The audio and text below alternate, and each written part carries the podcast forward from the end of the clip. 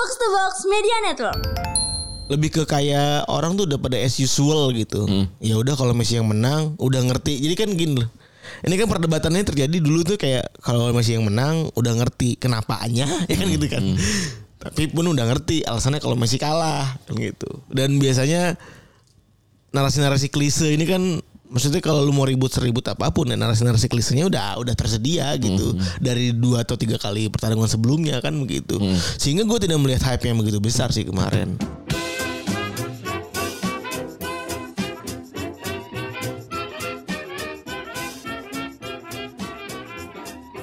Podcast Retrobus episode ke-628 masih bersama double pivot andalan Anda, gua Randy. dan gue Febri. Oke, selamat hari Senin. Senin, teman-teman. Wah, ini berarti kita lengkap hari ya. ini lengkap hari ya fast forward Keren. bisa melompat waktu Ada apa? Ada apa berarti nggak tahu kita ada apa. Ada yang ini bisa dibahas nggak satu? kita eh, seperti biasa ya banking kan Randi sedang melalang buana di Oslo Gua akan ke Solo. gila kota ini Hah? kota sejuta proyek KPBN Yoi. Eh tapi kalau teman-teman ngerasa ada suara kersak-kersak di ini di editan kayaknya masalahnya ada di kabel mikrofon. Yoi. Jadi segera dibenerin ya. kita eh mungkin gua coba beli hari ini ntar ya karena besok kita akan rekaman lagi kan semoga bisa nyampe Iya. eh ya begitulah ya tapi di sosmed nih kita gak ada yang gimana gimana ya masalahnya klasik masih masalah soal Palestina ini perpecahan Perpecahan. ada ada yang ramah ya? Enggak ada ya bener ya. yang paling rame sebenarnya ngalik Mm-mm. Tapi ya begitu aja. surat kaleng ya Ini yang ramai ada iya eh nggak ada.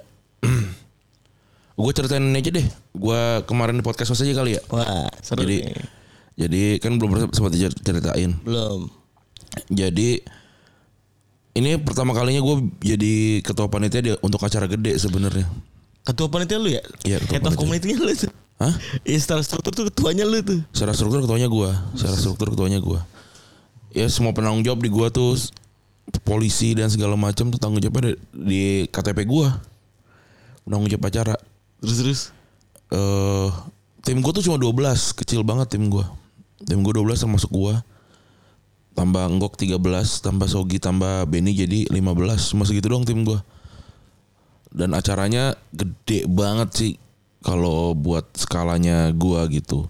Awalnya tuh cuma live podcast biasa aja, live podcast biasa dengan segmen-segmen tertentu gitu. Hmm. Cuma setelah ba- bapak-bapak podcast mas tahu kita ada di Gerah Bakti Budaya, mereka bilang kenapa nggak kita bikin jadi teatrikal aja gitu. Ya udah pada akhirnya terjadilah teatrikal itu. Gede banget acaranya dan eh, banyak banget hal-hal yang yang jadi jadi dadakan gitu di di di waktu-waktu mepet gitu. Tapi yang yang gue pengen gue sorotin adalah eh gue tuh ke- kebiasaannya kebiasaannya tuh kalau udah udah capek dan segala macam tuh suka ngelempar-ngelempar kerjaan ke orang kan. Hmm.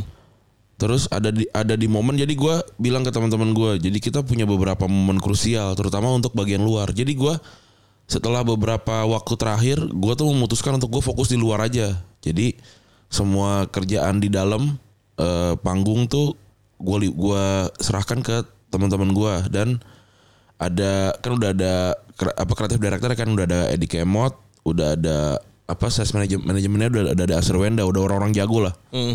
Jadi gue keluar, gue ngurusin hal-hal di luar tuh sponsor, terus eh, di, eh, desain dan segala macam lah di luar tuh.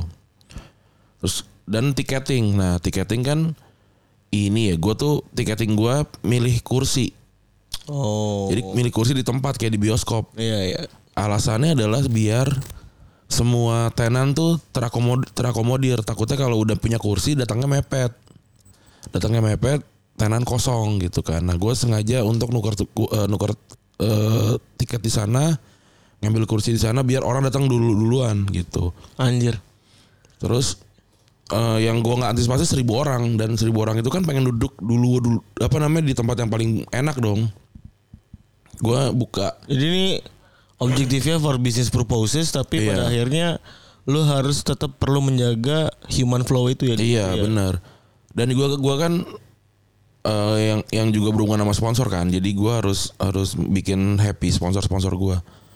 Kemudian akhirnya diputuskanlah jam 13.00 tuh eh tiketing dibuka 12.00 eh, pintu gedung dibuka. Gue bilang ke teman-teman gue itu adalah momen-momen krusial kita tuh jam jam 12 sampai jam 18.00 tiket penutupan di- ditutup tuh. Hmm. Yang yang gue udah udah nyiapin segala macam skema lah. Stop di mana, jalan lagi, stop di mana, jalan lagi. Terus gua melibatkan berapa ya? Mungkin 10 ke- eh, 10 security dan 8 crowd control. Jadi gue Outsource. Oh ini tuh tiba-tiba dar gitu kenapa ya? Dur. Ya tiba-tiba tiba-tiba ada cus gitu loh. ini emang kudu diganti sini ya Kabel berarti ya. kabel ya. Terus gue melibatkan 10 security dan eh, apa namanya volunteer gue. Outsource tuh berarti. Iya outsource. Terus ternyata Sorry, nggak. sorry bentar gua gua potong dulu. 12 sampai 6 itu adalah waktu mereka tukar tiket. Hmm. Yang gua udah baca-baca sih sebenarnya dari postingan hajatan ya. Terus kejutan dari audiensnya ada yang datang Ada, ada yang ngantri, ada yang ngantri duluan dari jam 10, jam 11 tuh udah ada yang ngantri. Jadi jadi mereka udah mengular di luar gitu. Yang sebenarnya kan panas kan. Terus ya udah mereka masuk segala macam nggak ada nggak ada masalah ternyata di situ. Si- nggak ada nggak ada momen kritisnya. Cuma ya orang ngantri aja penuh kan. Udah selesai. antri penuh tapi kondusif. Ya ngantri penuh tapi kondusif gitu. Terus kelas, kelas AB lah ya. Enggak juga ada juga yang biasa yang yang yang bawah juga Iya, kan. iya. Udah kelar semua. Terus eh, di, di gue inget banget tuh 18.30 tuh kita buka buka masuk ke dalam teaternya. Orang mengantri lagi kan. Nah, di 18 10 gue udah suruh standby semua orang-orang. Di 17 lap- di 17.45 tiba-tiba gue dipanggil tuh di HT. Eh, ini ada orang yang mau nuker tiket VIP, tapi tiket VIP-nya udah nggak ada. Ada lima orang, ada lima tiket lagi yang di sistem, tapi orang yang mau di, di redeem tapi orangnya nggak ada. Eh apa tiketnya udah nggak ada. Seatnya. Situ udah nggak ada. Jadi ada lima orang availability di sistem. Hmm, tapi Tapi seatnya seatnya udah habis. Udah habis. Udah habis. Waduh, lima Wah, orang. Lima orang VIP lagi Lima kan. kali piro itu. lima lima lima lima VIP tuh posisinya tuh gue lagi megang ini lagi megang ID punya adik gue sama bokap gue kan mereka datang tuh. Hmm. megang tiket nih eh, kelas 1 terus orang itu orang itu kan udah nunggu dong orang itu nunggu. Tapi nunggunya juga sangat baik sih nggak nggak nggak marah-marah nggak gimana. Terus waktu dicek-cek ini udah bener nih gitu. Jadi kesalahannya kesalahannya adalah di jumlah kursi ternyata kurang. Apa gimana ya pada akhirnya? Oh, actual actual precise size-nya. Iya, itu kurang ternyata. Terus Oh, jadi ada sitting plan, sitting plan-nya yang lo dapat dari gedung ya kan? hmm, yang pada akhirnya setelah gue lihat sebenarnya jumlah kursi tetap sama, cuma nomornya aja beda. Jadi gedung ngasih ke gue nomornya apa di di realisasinya beda gitu. Misalkan dari 1 sampai 5 sampai 5, tapi ternyata dari 2 sampai 6 gitu loh. Oh. Gitu. Sebenarnya jumlahnya sama gitu. Ya pada akhirnya tiket buat adik gue sama bokap gue gue kasih ke mereka. Gue kasih eh ini gue gue gue gue punya tiket lagi nih tiket lebih tapi kelas 1 jadi lu turun kelas ini mau nggak kamu pegang nanti dapat complimentary gitu nah orangnya untung untuk untung menerima dengan baik tuh udah selesai terus 18 itu itu gue udah udah udah Complimentary after. Komplimenterinya gue kasih baju dan gue kasih tote bag. Kan dia kan tadi kan cuma dapat apa gitu, tapi gue kasih gue kasih lebihan gitu, udah aman. Terus di 18.30 masuk tuh segala macam aman. Terus gue lagi di luar kan, gue masih ngecek-ngecek semuanya. Dapat info lagi dari Ebu itu. Bang ini ada orang yang kursinya nggak ada. Gue ke dalam. Jadi ada tiga orang, ada tiga, ada tiga, ada satu rombongan di sini tiga orang, cewek semua. Dia ngambil kursi misalnya 26, 27, 28. 28 nya nggak ada. Babi. Dua, Mana? 28 nya nggak ada. Mana? Nah, Dari dari sarapan dong. waktu gue panik banget. Nah, jadi nomornya 26, 27, 29. iya enggak 26, 27 kan jeda apa namanya jeda Ali gitu Ali, langsung Ali. langsung 31, 32, 33. Ke mana? Nah, ini nggak ada nih orangnya nih. Wah, itu gue? Saya duduk di mana? Nah, itu gue panik banget tuh. Itu gue panik banget tuh anjing. Nah, terus kan berarti kan posisinya tadi tuh tiket bokap bokap gue udah udah gue lepas kan, udah gak ada gue. Nah, Lu gak punya kartu apa pun ya. Nah cewek gue tuh dia tuh megang dia tuh jadi jadi ini jadi volunteer volunteer untuk bantu bantu di bagi-bagiin ke tiket eh, kolega. Hmm. Nah emang sebelum itu tuh dia nginfoin gue kalau ada orang yang nggak nggak jadi datang. Jadi gue punya tiket VIP nih dua di tangan gue. Tiket VIP, tiket VIP-nya tiket VIP yang tengah lagi. Terus eh gue bilang ke mereka, ini gue nggak punya solusi lain ya gue punya dua tiket VIP nih. Kalau lo mau lo bisa ambil tapi lo akan terpisah satu orang gue bilang gitu. Terserah lo mau dua di sini atau dua di sana tapi ada yang tertinggal satu gitu. Wah kita nggak mau mas. Kita pengennya bareng gitu wah anjir bingung juga gue repot. repot. Sibuk, sibuk. waktu gue Aduh. itu tuh gue wong sibuk. itu posisinya tuh gue udah udah kayak aneh anjir gue tinggal ngebuang body ke Iqbal aja nih sebenarnya kan lu urusin deh gue cabut yang lain gitu kan tapi gue ngerasa kalau gue cabut dan gue nggak ngebantuin ini nggak kelar gitu terus akhirnya ada tim gue si Silky namanya megang seat map kan ntar kak dicek dulu dicek segala macam ternyata tadi startnya itu satu eh, startnya dari dua sampai dua lap dua dua tujuh. Seharusnya dari satu sampai dua delapan. Pokoknya gitulah. Jadi jadi se- sebenarnya secara jumlah harus sama. Akhirnya digeser. Semua orang geser ke kiri. Dapat dia ternyata. Gitu. Wah tapi itu gue udah panik banget tuh. Berarti lu di saat tersebut mengor- mengorganisir semua orang untuk geser kiri itu. Ada Satu saf tuh. kiri. Iqbal Iqbal Iqbal si pendiam. Geser kiri gitu. Dia ngomong ke pelan buat kiri gitu. Dan tuh selesai tuh. Terus tuh. iya ini tiba-tiba. Kenapa ya? Ya Terus terus terus. ya tiba-tiba eh apa namanya? Eh itu udah selesai tuh. Nah tiba-tiba ada ada panggilan lagi keluar. Kan gue megang gue HT ya. Panggilan lagi keluar tuh. Ternyata ada orang yang belum tukar tiket. Jadi tukar tiket kan dari jam dari jam 1 sampai jam 6 setelah itu di close. Karena apa? Karena kalau di teater kan lu nggak bisa masuk sembarangan kan? Jadi lu masuk sesuai jadwal gitu. Nah biar dia gua tutup jam 6 karena 18.30 tuh udah masuk ke dalam. Oke. Nah orang itu belum tukar tiket tuh. Tante sama om gitulah Udah rada tua. Terus eh, Gimana nih saya belum tukar tiket? Iya kan sebenarnya kan udah dikasih tahu jamnya dari jam segini sampai jam segini Gue bilang gitu. Iya tapi kan Itu tidak membuat tiket saya hangus Dia bilang gitu. Iya sebenarnya Tidak dijelaskan di website Tapi Di sosial media kita udah dijelasin gitu. Iya tapi saya nggak lihat gitu. Yang pada akhirnya gue pas gue cek di email ada ternyata. Ya ya udahlah gitu. Terus eh gue bilang orang tiketnya orang tiket.com-nya udah pulang. Kan gue pakai tiket.com kan. Udah udah udah nutup udah nutup bootnya gitu.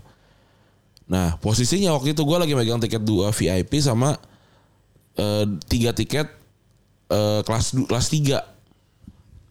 Di atas. Dia itu kelas 1 gue bilang saya nggak saya saya punya opsi nih. Saya cuma punya satu satu satunya opsi. Ini tiket kelas 3 eh, yang saya pegang tante sama om pak ambil. Kemudian nanti ditambahin eh, complimentary. Gue bilang gitu. Terus bilang oh nggak bisa dong. Saya kan beli tiket kelas 1 dan segala macam. Iya itu gue jelasin iya bener. Mungkin ada salah sayanya. Tapi om tante juga ada salahnya karena terlambat gitu. Terus dia masih ngotot dan segala macam terus kan itu kan di tengah kan. Itu samping tuh ada bang Fu juga tuh. Terus? Ada bang Fu juga tuh dia ngeliatin. Terus gue harus ngeredam itu kan biar biar nggak jadi nggak jadi PR buruk kan. Terus gue gue bilang iya tante tapi karena ini sebenarnya ya tiketnya udah nggak bisa udah nggak bisa diambil karena udah udah udah nggak ada udah udah lewat waktunya gitu. Kalau dari teater tuh memang memang seperti itu gue bilang gitu. Terus gue jelasin tapi ya karena ini teater kursinya udah dibentuk sedemikian rupa mau duduk di mana pun seharusnya kelihatan gue bilang gitu. Bagus gitu. Nah terus dikasih lah pokoknya complimentary yang sesuai dengan harga tiket aslinya gitu. Pada akhirnya mereka luluh juga luluh terus happy terus pergi ke atas nonton dengan dengan baik gitu. Hmm. wah itu gua gua yang sebenarnya malas banget tuh kan ber, ber- apa namanya berhubungan dan berkontak sama sama orang tapi gue jadi mau nggak mau tuh terus udah selesai itu Tapi menarik juga benar. Statement itu menarik ya. Maksudnya kayak gue bisa meninggalkan bisa buang badan gitu. iya gue bisa buang badan Yang actually kalau ngomongin lu secara ini ya, ya mungkin chance-nya besar gitu karena Iya. lu merasa ah anjing. ini bukan urusan gua gitu. urusan lu gitu. Iya, tapi kan tetap yang ngurusin pada akhirnya ngurusin piara kan tetap gua kalau ada masalah kan. Udah. Terus 18.30, 19.30 tuh show dimulai. Itu kan berarti kan waktu sudah udah terus berjalan kan. Nah posisinya juga itu itu tuh eh sebenarnya gue pengen bawa bokap nyokap eh bo- bokap sama adik gue tuh nonton di atas di FOH. Jadi gue gue gue punya ruangan gitu bisa nonton di situ sebenarnya. Eh toh tiket mereka juga udah nggak ada kan sebenarnya. Tinggal nah si tiket VIP ini masih gue tahan nih in case kalau ada apa-apa kan. Terus gue eh apa namanya mikir-mikir da- udah mau mulai start show-nya eh gue bilang sama buka buka sama adik gue udah kita nonton di VIP jadi mereka beneran nonton di tengah tuh. Jadi emang meant to be mereka akhirnya nonton di tengah. Karena tiket mereka tuh pindah-pindah berkali-kali. Iya iya. si apa namanya si kelas satunya dipindah kelas tiganya dipindah akhirnya mereka duduk di VIP terus pas eh, permulaan show eh, kan kita pakai pakai ini kan pakai choir eh pakai marching band gitu. Terus? pas marching bandnya bunyi lampunya mati segala macam tuh gue langsung kayak mix feeling kayak anjing gue capek banget ya ternyata ya. Langsung langsung ada merindingnya gitu gue merinding gitu terus gue langsung apa namanya langsung senderan di di tembok gitu. Anjing kelar. Berarti kan posisi gue udah kelar tuh. Iya. posisi gue di luar show, iya. sampai show posisi gue udah kelar tuh gue gue duduk aja udah gue duduk di sebelah kiri tuh gue sama, sama ibu anjing capek banget show mulai dan segala macam gue udah hampir ngeblank sebenarnya. Gue gue udah nggak nggak segitunya ngeh sama sama sama show. Kecuali gue ngecek ngecekin ini mana nih sponsor eh, jangan lupa jangan lupa kan harus disebutin kan sponsor gitu. Udah sih itu tuh. Itu gue pengala- pengalaman pengalaman gue sebagai ketua panitia malah malah jadi malah jadi ngurusin orang banyak ya gitu tuh gue cukup cukup amazed sih kalau gue bisa melakukannya itu. Dan prosesnya berapa lama kan? tiga bulan kayaknya gue ngerjain Tiga bulan dari scratch. tiga bulan dari pertama kali gue datang ke Gerah Bakti Budaya tuh kan gue baru enam bulan di podcast mas dan Iya, itu tiga- full full semua semua tuh event offline semua tuh gue Ya tiga bulan dari scratch lu mikirin flow dan lain-lain tuh dari dari bener-bener dari nol ya anjing. Terus lu kan maksud gue gini, eh ya kita naik bareng-bareng lah gitu ya, udah udah paham gitu ya. Nah lu be- belajar mock up terkait apa namanya show gitu-gitu, apakah emang ada yang bantuin dalam hal ini? ada yang bantuin Nah itu kan ini yang gue miss ya kayak tadi kayak fungsi-fungsi kreatif director gitu, eh apa namanya show director. Ya itu gue bela gue belajar di tempat. Oh berarti gue butuh butuh light apa butuh lighting eh, designer, gue butuh sound engineer, gue butuh show director, gue butuh show management, gue butuh make up, gue butuh apa segala macam segala macam. Jadi in detail lu terjun sambil latihan berarti ya? Iya. Anjing. Gua sambil Nah, siapa siapa yang mendampingi lo itu? Nggak ada ya kita kita aja. Oh, gua. jadi lu emang udah improv dua, improv terus aja tuh. Iya imp- improv aja improv banyak banyak hal-hal yang kayak eh gue nggak ngerti tuh istilah itu gue nggak ngerti istilah itu gue gue gue tanyain gitu dan kan ini kan gue juga juga kebetulan langsung langsung ketemu sama orang-orang yang jagoannya. Edi Ke- Edi Kemot kan show apa namanya kreatif direkturnya cerah hati kan. Udah jagoan lah dia bikin shownya Raisa apa segala macem. Asri Wenda tuh jagoan jagoan banget di show manajemennya gitu. Dia dia apa namanya show-show gede nih. Termasuk ntar Erwin, Erwin Gutawa juga di di GBB juga dia juga tuh. Terus Bayu Wicaksana tuh yang yang megang sound eh megang lighting eh megang sound itu dia yang jadi konsultan Gerah Bakti Budaya. Hmm. jadi emang orang jagoan juga. Terus Mbak Nova di di lighting juga orang jagoan. Terus di sound engineer ada Aba kan tim gua. Aba sama Ilham tuh juga jago banget. Aba tuh dulu di di rooftop kalau nggak salah. Dia dia bikin dia bikin scoring film. Si Ilham tuh eh, apa namanya mixer apa namanya eh, sound engineer jagoan lah. Dia kuliah di di Australia waktu itu jadi emang isi timnya jagoan semua. Isi timnya emang orang oke semua gitu. Tapi kan perintilan-perintilan kecil itu di, di handle sama tim tim gue yang sangat kecil itu gitu. Semuanya dari mulai KV dari mulai eh, apa namanya jualan dari mulai apa dan segala macam semua tim gue booking artis segala macam. Yang yang menurut gue pas gue pikir-pikir ada nggak masuk akal bisa bisa bisa kejadian dengan tim segitu. Ternyata bisa gitu. Oke, kita gua ada satu pertanyaan yang lagi sering banget tanya anak-anak di grup Telegram lah ya maksudnya gue mau wakilin ya. Kayak jadi kan lu sebenarnya secara lu mau harus ngelit orang-orang tadi lu sebut tadi itu yang jauh lebih jauh daripada lu technical way gitu ya. Hmm. Gimana lu overcome itu? Ataukah emang lu memposisikan diri sebagai ya kan gua tuan rumahnya gitu. Oh kalau di kalau di gua enggak, kalau di gua posisinya ketika udah gua udah mutusin kalau gua keluar di luar gitu di luar jadinya gua cuma menyambungkan gua mereka dengan sponsor-sponsor gua Oke. jadi gua nitip eh ini gua pengen harus kayak gini gua pengen harus kayak gini pengen kayak gini Tapi kan before-nya tetap ada persiapan kan? Oh iya, Dan lo harus merintah mereka-mereka ini kan? ya gua gua gua komunikasikan aja gua mau komunikasikan seperti apa maunya dan segala macam menerjemahkan kan juga di gua kan ada pada Arto ada Anggok juga Oh, oke oke. Gitu. Pada akhirnya sebenarnya keterbukaan itu ya sih yang paling Iya. penting. Komunikasinya ya paling penting ya. Biarpun misalnya anggaplah aja mereka jauh lebih kompeten daripada kita gitu ya. Tapi as long as kita tahu maunya apa ya kan? kita kita bisa jelasin sebenarnya gimana. Dan bisa iya Oke oke. Menarik sih. Gua jujur eh apa namanya belum pernah punya portofolio eh sebesar lo Hmm. gitu. Jadi gue ikut bahagia gitu. Maksudnya melihat bagaimana kemarin apa namanya experience bagus. ya itu semua orang happy sih. Gua gua rada deg-degan sebenarnya karena kalau itu gagal banyak hal yang sebenarnya bikin bikin ke depannya jadi nggak enak gitu kan. Orang-orang mungkin akan jadi nggak akan nonton lagi kalau kita bikin lagi.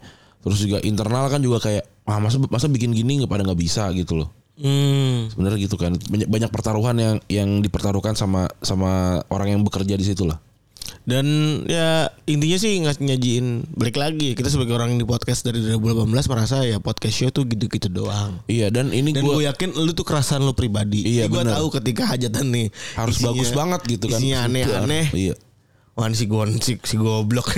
karena karena kan harus balik ke community kita nggak bilang ke community-nya jangan begitu begitu aja bi- bisa diginiin gitu walaupun emang budgetnya gila gede banget oh. Jadi ini to show the community bisa gitu jadi sebenarnya sebenarnya kalau kalau yang gue lihat kan eh kalau kalau belum ada yang bukain jalannya nggak ada yang tahu bisanya seperti se- se- sejauh apa gitu ya kan benar. Mentoknya semana sih? Iya gitu. Bang Awe itu kan datang kan terus dia bilang kan anjir ini ini naikin levelnya live podcast lagi gitu. Live podcast bisa dibikin, dibikin begini gitu. Ya gue gue juga gue setuju memang memang bisa dibikin begini. Nggak cuma ada ada orang duduk terus ngobrol dua jam gitu. Ada pengaruh ini nggak? Oh berarti soalnya soalnya itu dua jam ya? Dua jam dua jam lima puluh. Cuman lu bagi-bagi. Anjing dua jam 50 Dua jam lima puluh. Dua jam lima puluh. Live podcast 40 menit. Terus ada tea- ada teater sekitar 20 menitan. Ada ada segmen geng teler. Geng teler tuh eh, bapak-bapak jadi jadi orang mabok gitu. Itu 20 30 menit. Podcast Mbak mereka jadi cewek 30 menit. Habis itu ada pembacaan surat, ada nyanyinya segala macam 2, 2 jam 50. Body body body videonya tuh 2 jam 50. Dua jam 50 podcast bisa berubah jadi begitu ya. Wah, Gila berat. Berat berat. Iya, dan dan Dan tapi itu nggak ngaruh ke acting apa segala macam nggak? Gua karena gua nggak nonton ya kan, gua nggak nonton. Kan acting perlu- yang acting kan orang lain.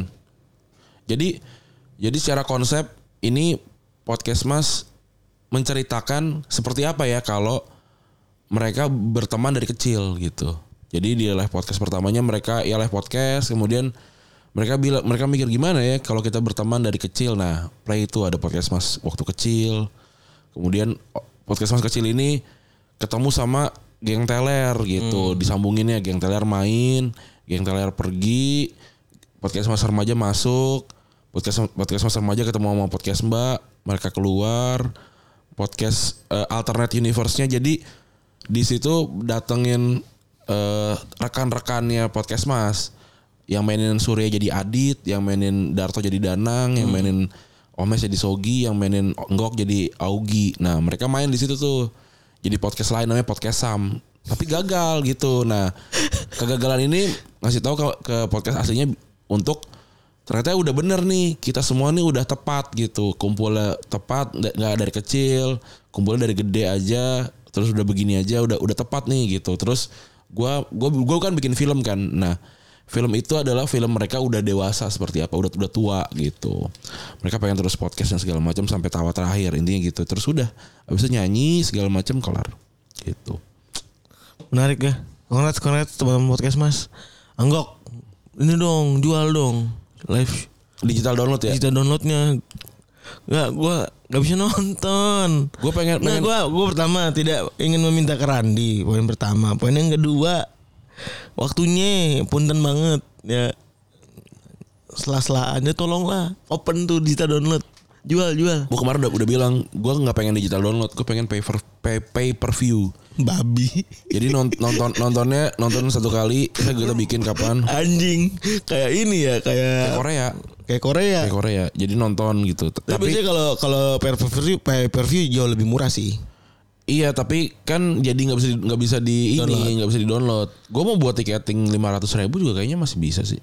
Tapi kalau pay per view itu lebih murah. Iya, tapi gue Biasanya kan 25 ribuan kalau pay per view. oh nggak, gue pengen bikin yang mahal. Ya nonton syukur enggak ya udah. Soalnya pay per view tuh lu kan harus ini kan. Kadang-kadang ada audiens yang nggak bisa nonton 3 jam gitu-gitu.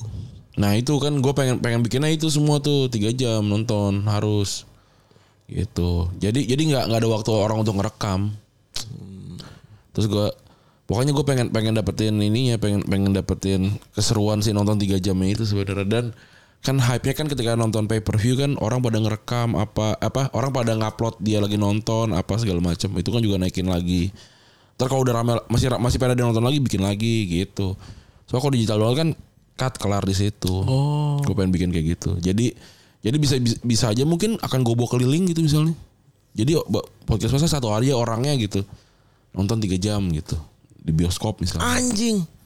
IPU udah begitu ya. Pengennya gue Enak pengen bikin, banget itu. gue pengen band band begitu. Tapi juga maksudnya eh, kemarin pas lagi lu preview sore-sore tuh udah sugap tuh rantrunya masuk apa yang lu rasakan di Iya. di panggung tuh masuk di film tuh. Heeh, gua- Di- udah masuk tuh berarti udah udah udah udah dapet. itu itu tuh kemarin yang gue yang gue tonton tuh uh, after movie sebenarnya. Oh. Gue pengen bikin kayak gitu jadi misalkan keliling ke Jawa gitu misalnya ya ke Semarang ke Jogja segala macam bawa bawa itu menonton itu baru ntar misalkan ada live podcastnya enggak jadi gue dapat revenue revenue lagi gitu jadi jadi jadi nggak cuma sekali tuh itu itu diputar gitu sih dan kan kayak- kayaknya bisa lebih dikontrol ya kalau misalkan diputar di di misal di bioskop gitu diputar Iya cuy. orang jadi nggak bisa nggak bisa ngerekam gitu-gitu. Gue pengennya gue pengennya mereka tetap happy eh, ngejokes dengan sembarangan tanpa takut tanpa takut kesebar gitu loh.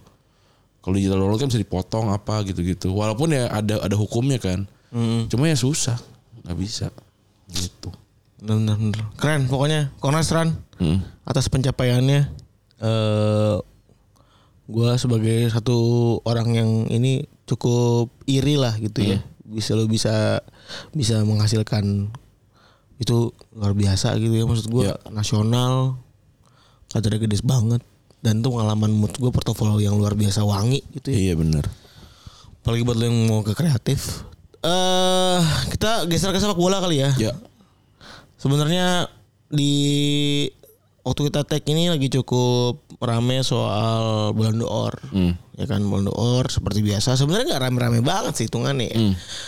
Lebih ke kayak orang tuh udah pada as usual gitu. Hmm. Ya udah kalau Messi yang menang udah ngerti. Jadi kan gini loh. Ini kan perdebatannya terjadi dulu tuh kayak kalau Messi yang menang udah ngerti kenapaannya ya kan gitu kan. Hmm. Tapi pun udah ngerti alasannya kalau Messi kalah kan gitu. Dan biasanya narasi-narasi klise ini kan maksudnya kalau lu mau ribut seribut apa pun ya narasi-narasi klisenya udah udah tersedia gitu dari dua atau tiga kali pertarungan sebelumnya kan begitu sehingga gue tidak melihat hype yang begitu besar sih kemarin mungkin juga guanya juga ada di bubble yang beda tapi gue juga ngeliat ini juga ngeliat Twitter si akun-akun Twitter yang emang biasa bahas bola nggak begitu Hmm. penuh juga gitu. Walaupun tetap ada kontroversi ya. eh karena Ballon d'Or tahun ini eh by the way sebelumnya kita bacain dulu kali ya beberapa menang Ya boleh. Ballon d'Or tahun ini. Ballon d'Or tahun ini eh, Aitana Bonmati itu menang di Ballon d'Or feminin. Ya. Terus Vinicius Junior menang Socrates Award. Erling Haaland menang Gerd Muller Trophy. Jude Bellingham Copa Trophy. Leo Messi Ballon d'Or. M Manchester City menang Club of the Year. Ya. Lalu Emiliano Martinez Yasin Trophy Eh, dan juga eh, siapa namanya Barcelona Femini Udah tadi. Women's Club of the Year Oh, Women Women Club of the Year. gitu beda. Paling ramai sebenarnya kontroversi terjadi sama cuman satu hal ya. Kalau kita gue lihat ya. Kayak ngomongin soal Messi dan eh apa namanya si Halan. Hmm. Banyak orang yang menganggap kalau Messi ini nggak pantas dapat Ballon d'Or tahun ini gitu kan, nggak pantas dan kemenangan yang gak sah karena statistik Messi itu cuma dominan di Piala Dunia doang. Sementara di PSG Lionel Messi cuma nyetak 21 gol dan 20 assist buat PSG. Anjing nih waktu surutnya dia 21 gol. Iya. Kalau menurut gua Babi. kalau menurut gua gini loh, eh, nggak akan ada balon balon d'Or yang adil menurut gua. Bakal Pasti. bakal selalu ada perdebatan ya. Messi mau gimana pun kalau lu cuma bilang Piala Dunia gitu ya. Wah, cuma tujuh pertandingan Piala Dunia gitu. Piala Piala Dunia seperti yang kita yang kita tahu Messi tuh di, dihantui sama Piala Dunia kan. Orang bilang wah nggak nggak pantas punya Ballon d'Or tapi nggak pernah menang Piala Dunia. Apa segala macam menurut gue jadi jadinya emang emang tujuannya adalah untuk untuk bikin Lionel Messi nggak nggak layak aja gitu loh. Selalu bikin dia nggak layak dia nggak layak gitu. Hmm. yang menurut gua sebenarnya nggak ada nggak ada pemain yang terdefinisikan dari dari Ballon d'Or Ballon d'Or sih. Siapa yang bisa bilang kalau siapa? Safi Iniesta gitu misalnya atau Maldini gitu nggak bukan pemain terbaik dunia ke- ke- uh, hanya karena nggak punya Ballon d'Or gitu maksud gua nggak bisa. Jadi jadi orang ribut-ribut Ballon d'Or tuh nggak jelas kalau menurut gua. karena karena itu tidak bisa diukur dengan statistik. Bener. Itu diukur dengan voting Bener. yang lu bisa ukur dengan statistik dan bagus adalah jumlah eh, pemain eh, mencetak gol terbanyak. Even playmaker terbaik tuh nggak bisa diukur dari assist. Bener. Terus kalau kalau misalkan ini udah semua udah orang udah setuju pas sisa terakhir adalah pencetak gol terbanyak, orang juga bisa protes kayak, "Alah dia 30 gol tap in semua." Siapa yang siapa yang ngurus kayak gitu-gitu? bahkan kalau jumlah bahkan kalau udah kalau udah kayak gitu nanti kalau itu udah selesai orang bakalan balik datang ke ke cara pengaturan poin di liga terus bilang alah itu dia menang 3-0 cuma satu satu gol doang gitu Udah terlalu banyak ya. iya terlalu banyak hal-hal yang gak, Sibuk. yang nggak bisa lu atur Iya, gitu. sibuk banget. siapa yang siapa yang bisa bilang ketika Arsenal 0-0 lawan Fulham Arsenal nggak layak dapat satu poin? Harusnya dapat tiga poin karena main bagus. Atau Barcelona kalah 1-0 eh 2-1 dari Celtic eh, penguasaan penguasaan bolanya 87% kan nggak salah apa 80 sekian persen gitu. Dia layak dia nggak layak kalah tapi layak menang dapat tiga poin. Ya kagak lah Ya sama kayak kemarin kita bicara soal Maradona kan. iya Maradona ketika di Spanyol rekornya kecil banget gitu. Nggak ada yang bisa menceritakan secara kualitatif maksud lu gitu. Iya bener kan. Iya, jadi kalau hal-hal yang diukur secara secara angka dan dia nggak punya satuan poin tertentu, maka akan terjadi perdebatan yang yang yang terus gitu.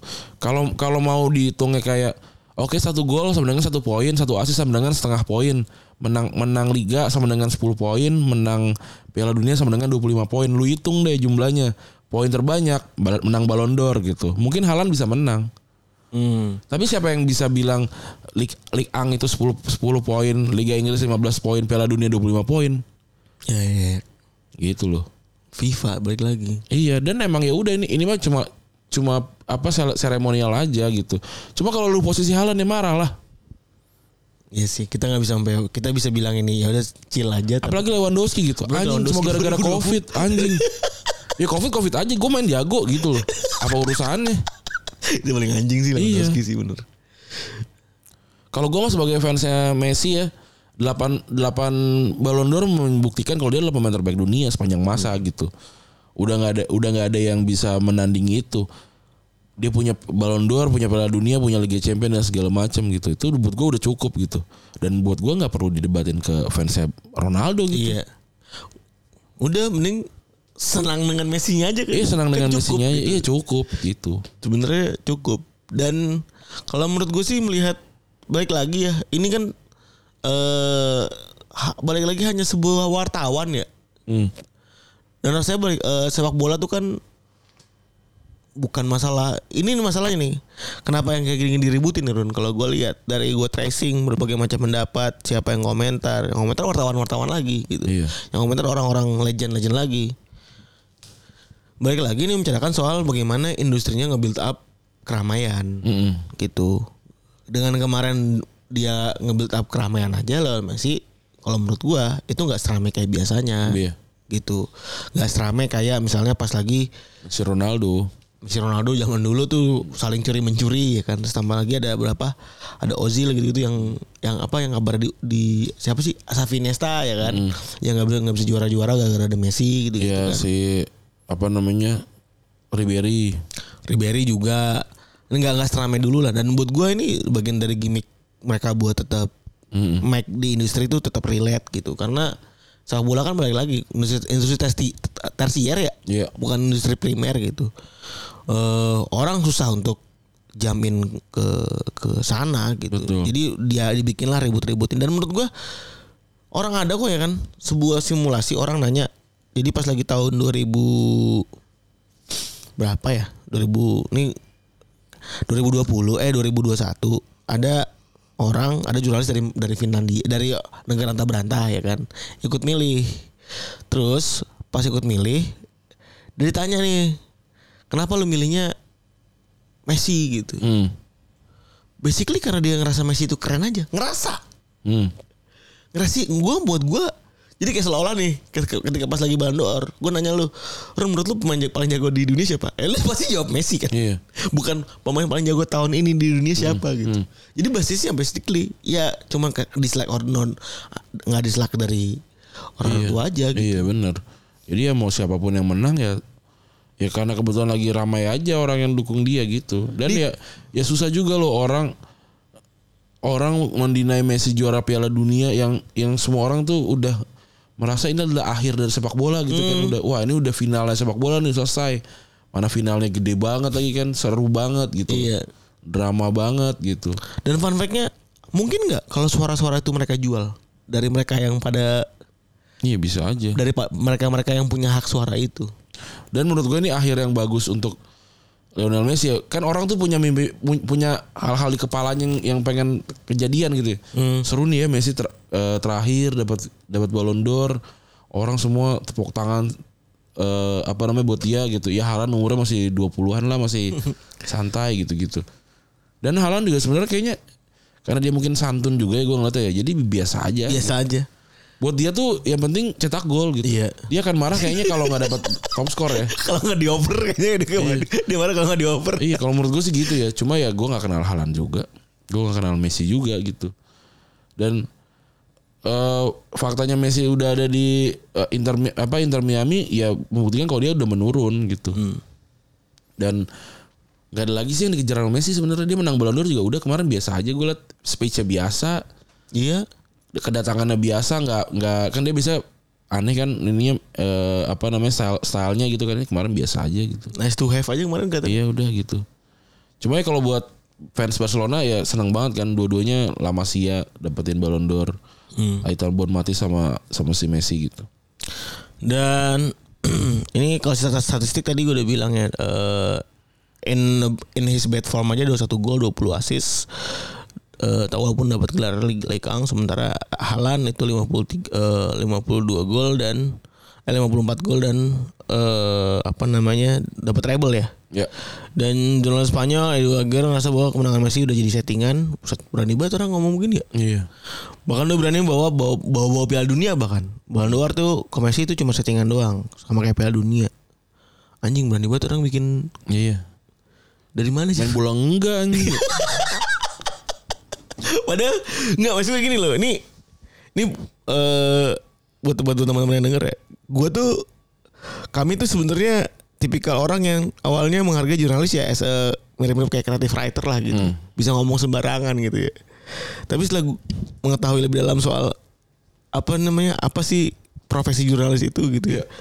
Itu tuh bener-bener lu kalau ada title tuh perlu ngomong secara hati-hati karena apa yang lo bicarakan tuh biasanya ya ya itu valid gitu kan dianggapnya sebagai suatu berita kan gitu melewati proses-proses jurnalistik.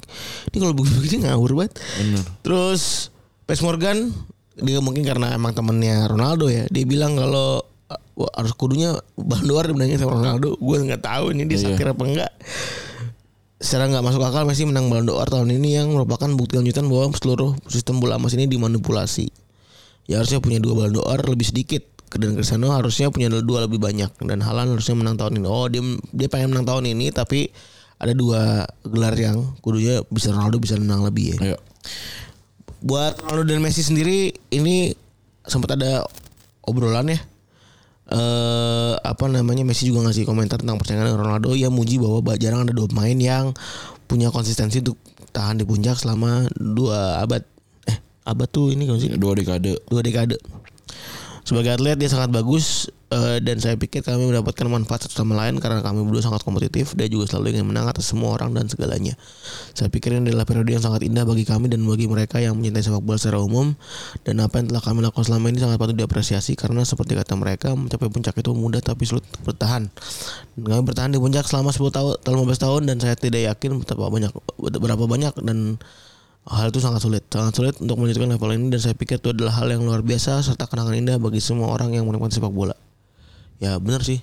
Susah kayaknya mau jadi mereka ya. Iya. Nah sementara Ron- Ronaldo dianggap nyinyir di Instagram dalam sebuah postingan di akun Instagram resmi media Spanyol da- dia Diario AS mengunggah reaksi dan dari jurnalis Thomas Roncero. Gelar pemain, pemain terbaik dunia dunia dunia ke-8 kali ini yang baru aja diraih Messi. Kalau teman-teman apa yang ini dia ngomong ya.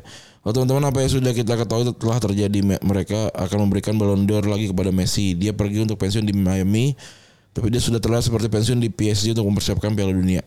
Dia memenangkan Piala Dunia eh tapi sama dengan 6 penalti. Piala Dunia diadakan 10 bulan lalu kita berada di bulan November. Messi punya 8 Ballon d'Or, seharusnya dia punya 5. Dia punya Ballon d'Or milik Iniesta, Xavi dan Lewandowski yang memenanginya 6 trofi dalam satu musim dan Erling Haaland menjadi pencetak gol terbanyak segala eh, segalanya. Ronaldo pun mengomentari unggahan tersebut pria 38 tahun membubuhkan 4 emoji tertawa di kolom komentar di unggahan tersebut. Pemain Al-Nassr juga memberikan ya pemain Al-Nassr itu juga memberikan tanda like di postingan tersebut. Spekulasi mengenai maksud dari komentar yang diberikan Ronaldo ini bertebaran. Wah ini mah orang-orang aja ya. Ya tapi ya nggak apa-apa juga. Namun bisa jadi Ronaldo mendoakan kalimat terakhir yang Rosero soal angka 8 mengingatkan dirinya akan jumlah gol yang dicetak Bayern Munchen. Ah, ini berlebihan banget ya.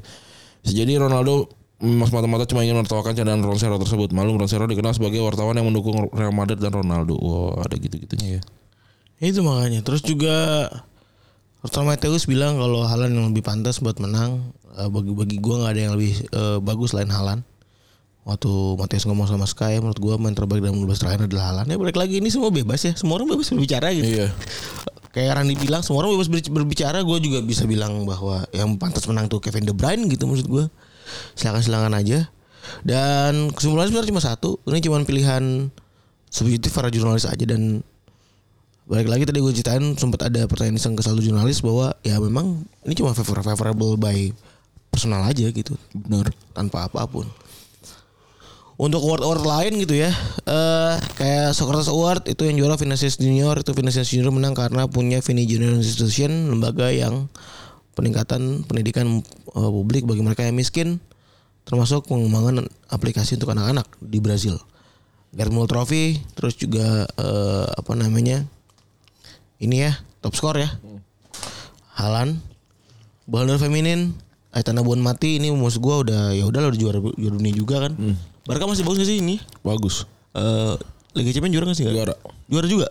Ah, apalagi yang bikin mereka- dia tidak pantas Yasin Tropi Emilio Martinez ini yang jadi lucu sebenarnya satu lucu kelucuan aja karena Yasin Bono tuh jauh lebih tinggi ya Apanya? Eh, rankingnya di dalam perolehan suara Ballon d'Or Tapi nggak ada kiper yang juara sebanyak eh, sebagus dia kali. Bukan, sebenarnya nggak ada nggak ada korelasinya.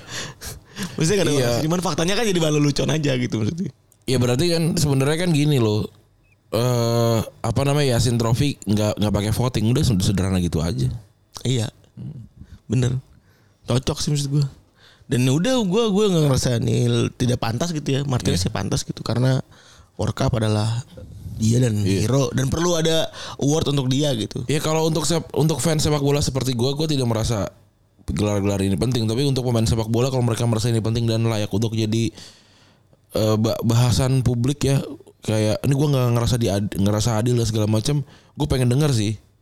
Hmm. Nah dari, dari situ kita bisa bisa diskusi tuh, oh ternyata eh, pemainnya tuh nggak terima apa segala macam segala macam. Gue mau denger dari sisi itunya. Kalau kalau dari sisi jurnalis segala macam sih gue nggak peduli juga. Itu itu sekunder masalahnya. Nggak pernah ada dan, Iya. dan, dan tidak pernah ada pemain mengungkapkan kan. Iya, kan beda- Kecuali, kecuali Lewandowski ya. Iya kecuali Lewandowski. Kecuali kalau kalau kalau kayak gitu kan tadi kan gue bilang kan, ya itu nggak adil Lewandowski kayak gitu. Cuma gara-gara covid anjir. Kalau kalau cuma dari ini siapa Piers Morgan dari dari apa Lothar Matthäus segala macam sekunder lah. Gue pengen dengar dari pemain yang kayak halannya gitu dia diwawancara terus bilang iya gue nggak terima nih karena seharusnya gue begini begini begini begini dan ini bikin mental gue down apa segala macam gue mau denger itu gitu. Ya, ya, gue sepakat. Pun misalnya ini jadi bisa jadi buat industri gitu ya sepak bola kalau memang mau menyajikan gimmick gitu ya Hmm. dalam sekeliling industrinya gue bisa gue bisa ngerasa bahwa perlulah lu Iya. bikin kayak WWE gitu Hmm. Iya kan halal ngomong itu kan for the sake of apa namanya berita ya sah Bener. sah aja kalau misalnya mereka bikin sebuah eh, universe ala-ala begitu gitu supaya bertanda bisa naik lagi apa segala macam Bener. Udah gitu kali ya. Makasih teman-teman sudah mendengarkan. Gue Rani cabut. gue perlu cabut Bye.